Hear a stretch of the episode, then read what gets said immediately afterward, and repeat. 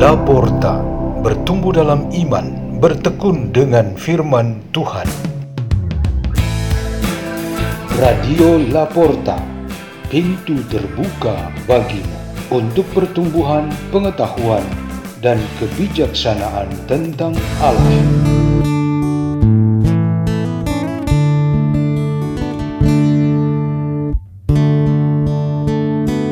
Bacaan dan Renungan Sabda Tuhan Hari Jumat Pekan kelima Paskah 20 Mei 2022 Dibawakan oleh Jihan dan Kristin dari Gereja Santo Laurentius, Paroki Alam Sutra, Keuskupan Agung Jakarta.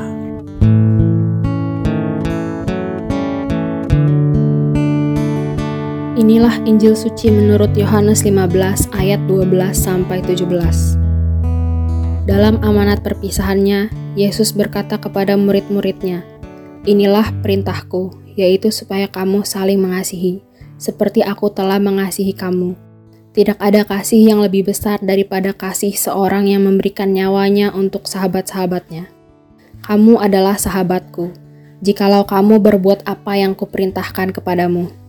Aku tidak menyebut kamu lagi hamba, sebab hamba tidak tahu apa yang diperbuat oleh tuannya. Tetapi aku menyebut kamu sahabat, karena aku telah memberitahukan kepada kamu segala sesuatu yang telah kudengar dari Bapakku.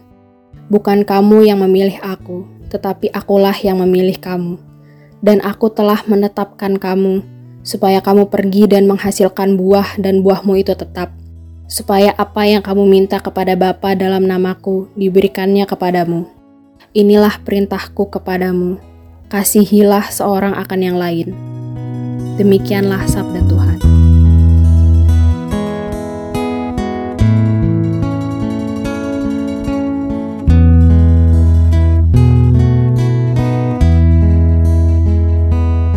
Renungan kita pada hari ini bertema dalam cinta dan untuk cinta.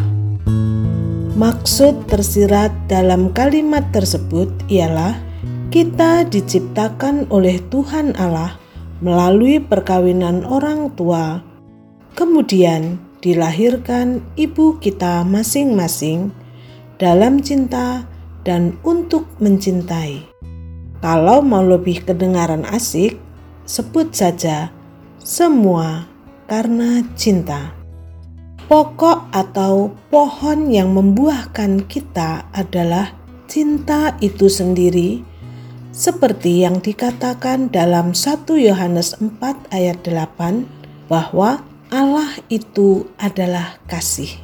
Maka buah-buah kita adalah cinta itu sendiri. Ini bisa terjadi karena kita mestinya selalu terhubung dengan Tuhan kita Yesus Kristus sebagai pokok anggur, dan kita semua adalah ranting-rantingnya.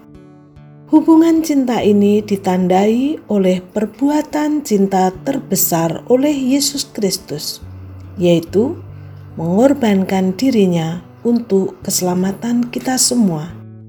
Cinta terbesar inilah yang diwariskan kepada kita supaya kita juga dengan caranya masing-masing dapat berkorban diri demi kebaikan dan keselamatan sesama kita. Mengapa dalam cinta dan untuk cinta membawa kita pada suatu pengorbanan diri?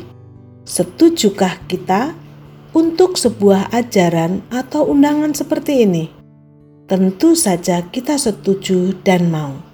Jika kita tidak yakin dan tidak mau, jaminan untuk tersambung dengan pokok hidup kita terancam lemah, bahkan bakal putus.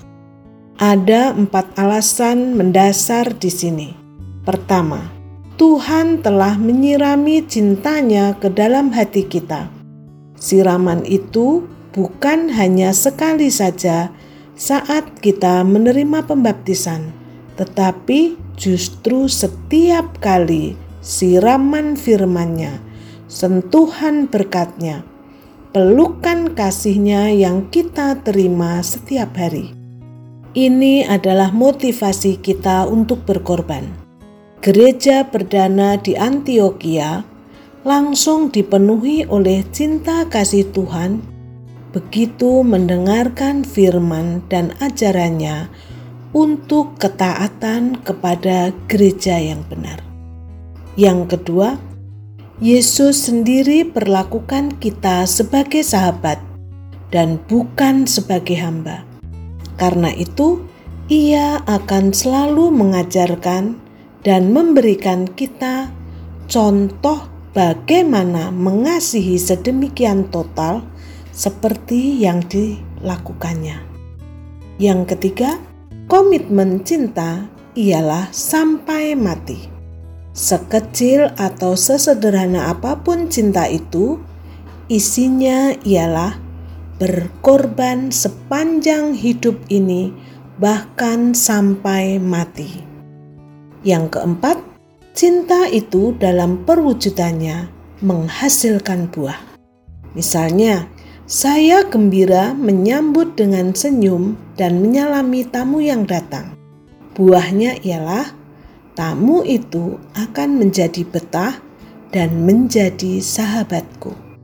Karena jika cinta tidak menghasilkan buah yang baik, itu adalah kebohongan, kepalsuan, dan pengkhianatan.